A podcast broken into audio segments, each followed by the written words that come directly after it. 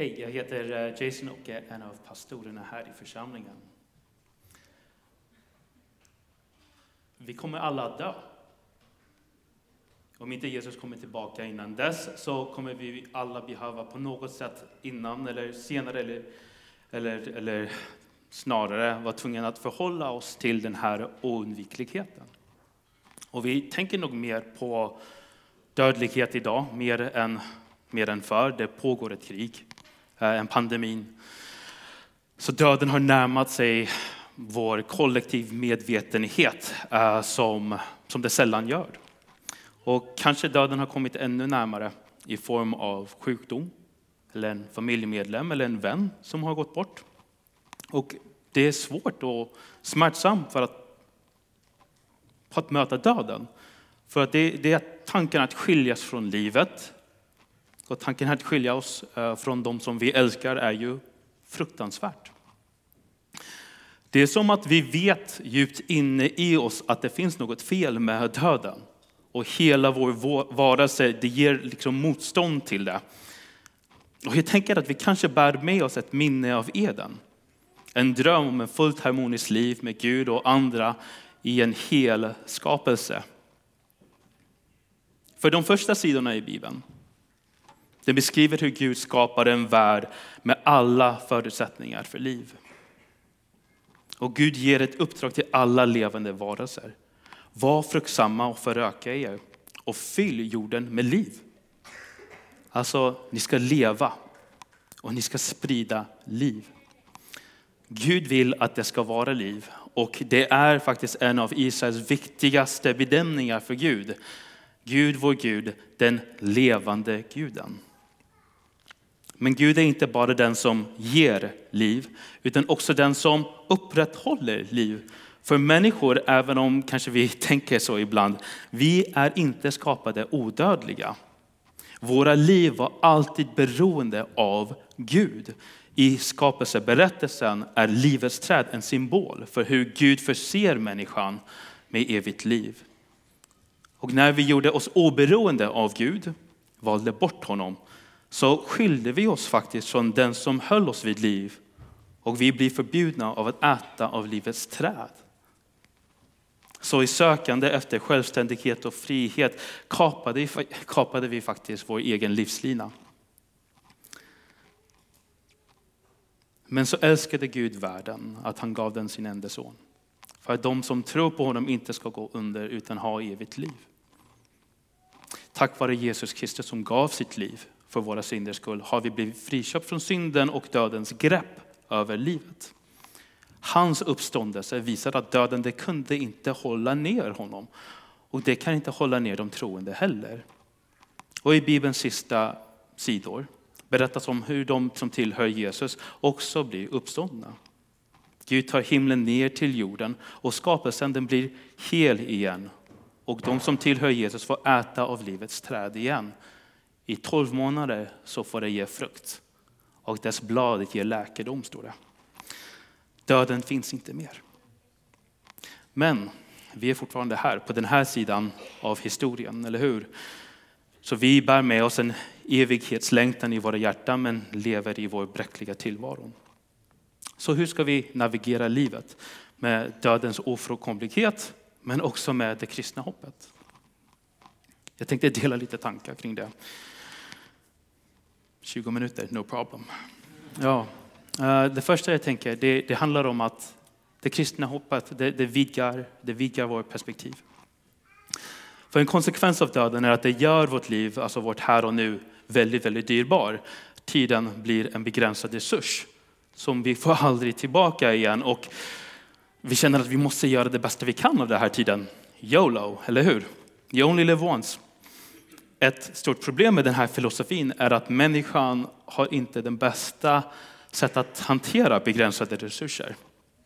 Det är nästan som att det tar fram det värsta inom oss. Lyssna på den här profetiska orden. För man vill ha det man vill ha och man vill ha det nu. Och om vi ser en möjlighet att få så kvittar det hur. För vi är vildare än djur när det gäller att ta. Och står någon i min väg, ja, då smäller det bra. Ingenting är heligt för nu roffar vi åt. Om man kan tjäna på ett tåg, ja, då hoppar vi på. Alla vill till himlen, men få vill ju dö. Man vill kamma in vinningen, men sår inga frön. Det skulle kunna vara en modern tolkning av Amos eller Mika-profeten, men det är inte det, utan det här kommer från vår samtida profet Timbuktu. Så utan en evighetsperspektiv är vi begränsade att sätta vårt hopp i det här och nuet. Ett fokus att skapa vår lilla himmel på jorden nu. Jesus visar en stark motbild. Ett liv som inte lustar efter det här och nu, utan ett liv där man underordnar sig Guds vilja och tjänar andra i världen. De flyktiga nöjen i vår tillvaro relativiseras mot den glädjen och härlighet som finns i ett evigt liv med Gud. Vi kan lyssna på Bibelns ord. Aposteln Johannes skriver till exempel, älska inte världen och det som finns i världen. Om någon älskar världen finns inte Faderns kärlek i honom. Till det som finns i världen, vad kroppen begär, vad ögonen åtrår, vad högfärden skryter med, det kommer inte från Fadern utan från världen. Och världen förgår med sina lockelser, men den som gör Guds vilja består för evigt. Men det är inte att säga att döden är någonting som är undvikligt med den kristna tron. Nej, det är faktiskt en given del av efterföljelse. Så att följa Jesus, det är inte att förneka döden. Döden faktiskt är en nödvändighet i den kristna tron. Kom ihåg att dopet, det är en gravsättning. Vi lämnar våra liv till Gud. Vi måste först dö från oss själva för att bli uppstånden tillsammans med Jesus. Alltså, utan att ge upp våra gamla liv finns inget nytt liv att få. Därmed för det kristna är inte den fysiska över... Oj, förlåt. Ja, men det stämmer. Därmed för den kristna är inte den fysiska döden eh, övergången till ett evigt liv. Det är tron och lidna till Jesus som är vändningen när en människa föds på nytt in till det eviga livet. Jesus säger så här. Sannerligen den som hör mitt ord och tror på honom som har sänt mig, han har evigt liv.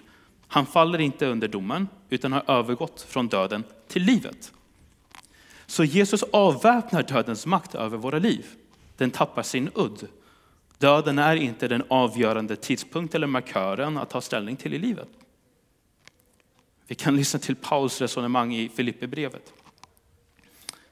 Ty för mig är livet Kristus och döden en vinning. Såvida inte bara fortsätta, fortsatt liv här på jorden ger mig en vinst genom mitt arbete. För då vet jag inte vad jag ska välja. Jag slits åt båda hållen. Jag längtar efter att bryta upp och vara hos Kristus. Det vore ju det allra bästa. Men för er skull är det viktigare att jag lever kvar här. Det är jag övertygad om. Och jag vet att jag kommer att bli kvar och stanna hos er alla för att hjälpa er till framsteg och glädjen i tron. Alltså det är ett väldigt ovanligt sätt att se på döden och livet, tänker jag. Och kanske Paulus sätt att relativisera döden på det här sättet låter alldeles för främmande för oss idag. Men jag tänker lite grann på de kristna som väljer att stanna kvar i Ukraina till exempel. De som hade möjlighet att lämna men som kristna och församlingsmedlemmar väljer att vara kvar. För att stanna kvar och tjäna deras medmänniskor mitt i krigets kaos och förödelse. Att på något sätt känna att nej, vi ska vara här och vi ska gestalta Jesus själv uppoffrande kärlek mitt i det här mörker. Hur kan man förklara det om de har fått uppleva ett hopp och en kraft som bryter dödens makt över deras liv?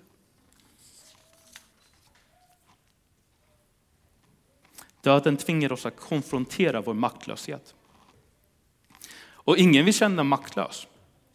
Att inte ha kontroll eller kunna påverka framtiden. Min gamla pastor och vän Gudrun, hon, hon var en Guds vän. Hon fick uppleva Guds räddning eh, i ett mycket trassligt liv. Och hon sen blev en missionär, en bibellärare och en pastor. När hon blev äldre kämpade hon eh, i flera år med cancer och ett antal andra eh, ganska svåra svårigheter med kroppen. Så hon kunde inte vara lika aktiv i tjänst för Gud. Och det var enormt kämpigt för henne. På mitt sista besök hos henne var hon i sjukhuset och hon var väldigt svag. Och det sista hon sa till mig, och jag frågade, ja, men Gudrun, hur känner du inför, inför döden? Så sa hon så här, jag vet att hans nåd räcker för mig.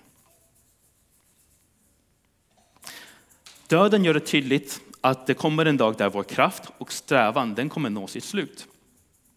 Vi blir tvungna att inse att vi är ytterst beroende av Guds nåd. För, för Gudrun, det var inte hennes andliga erfarenheter eller meriter som hon kunde lita på. Utan det var Jesus verk på korset, där han gav sitt liv för hennes synders skull. Det var den bärande tryggheten för henne inför döden. Och det var korset som var beviset för henne att jag, jag kan lita på Guds nåd. Jag vill läsa en psalm av Lydia Littell som, som jag tror uttrycker det som Gudrun eh, berättade om, det som hon blev viss om. Lydia var en baptist i början av 1900-talet i Kumla och skrev denna sång eh, på sjukbädden innan hon dog själv av cancer. Det enda som bär när allting annat vacklar, det är Guds nåd och hans barmhärtighet. All jordisk berömmelse och glans, det slocknar när sist jag står hos Gud i härlighet. Det enda jag vet, det är att nåden räcker, att Kristi blod min synd, min skuld betäcker. Det enda jag har att lita till en gång, det är Guds nåd, Guds gränslösa nåd. Det enda som står igenom alla tider är Kristi kors och blodets säkra grund.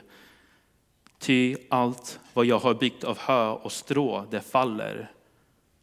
Det varar blott en kort, en flyktig stund. Det enda jag har inför den vita tronen, det är en frälsad själ. Halleluja. Och detta är nog till all min synd blev försonad när Jesus dog för mig på Golgata.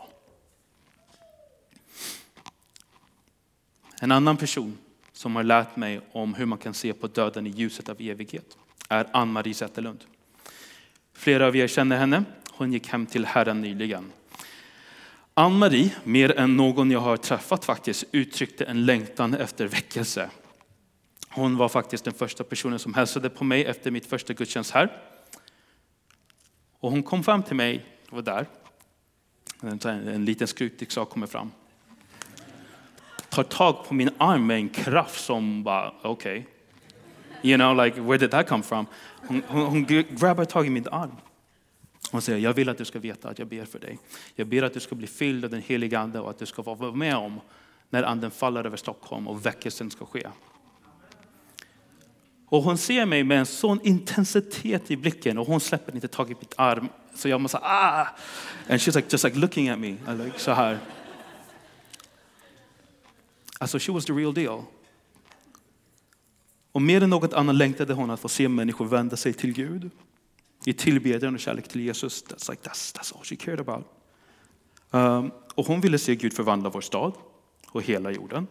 Hon ville se Jesus på tronen här och hans vilja att ske på jorden så som i himlen. Och jag fick möjligheten att samtala med Ann-Marie ett par gånger innan hon blev, ja, när hon blev väldigt svag. Så hon kunde inte komma till gudstjänst eller hon var på sjukhuset. Och hon var frustrerad. Hon var rastlös och frustrerad. Och hon sa, alltså det finns så mycket kvar för, som jag vill göra för Gud. Det finns så mycket kvar som jag vill se Gud göra i Stockholm, i Sverige, i världen. Och jag insåg att det som hon gav uttryck för, det var en sorts FOMO. Alltså fear of missing out, fast typ en andlig FOMO. Eh, så det är så här, jag vill inte gå miste om det som Gud, Gud ska göra. I don't want to miss it. I don't want to miss out. Och då kände jag jättedåligt för henne, för att så som hon bad om väckelse och bad för människor och att inte få se hennes längtan få uttryck, att få se det här. Så jag bad till och med för henne att hon ska få se några komma till tro innan hon gick hem. Men Jesus, like five. Fem eller tio, kom igen Gud. Um, men jag känner inte att hon har missat, att hon har så här, att hon kommer missa, gå miste om det längre. Hon kommer inte ha, hon kommer inte missa det som Gud har för världen. För hennes längtan att få se Jesus ärad och prisad bland alla folk och stammar. Att få vara med och välkomna Gud när han tronar på jorden. Att fira att ondskan är helt besegrad och skapelsen är upprättad. Hon kommer inte missa den. För den framtiden väntar fortfarande för oss. Och det väntar fortfarande för henne. Och när jag läser det här sista bibelversen som jag kommer läsa så kan jag faktiskt se Ann-Marie på första raden hoppa upp och ner, dansande, hejande. Och jag såg den heliga staden, det nya Jerusalem, komma ner ur himlen, från Gud, redo som en brud som är smyckad för sin man. Och från tronen hörde jag en stark röst som sade, se, Guds tält står bland människorna och han ska bo bland dem. Och de ska vara hans folk och Gud själv ska vara hos dem. Och han ska torka alla tårar från deras ögon. Döden ska inte finnas mer och ingen sorg och ingen klagan och ingen smärta ska finnas mer. Till det som en gång var, var är borta och han som satt på tronen sade, se, jag gör allting nytt. Det är vårt hopp. Det är vår framtid. Låt det få ske. Amen.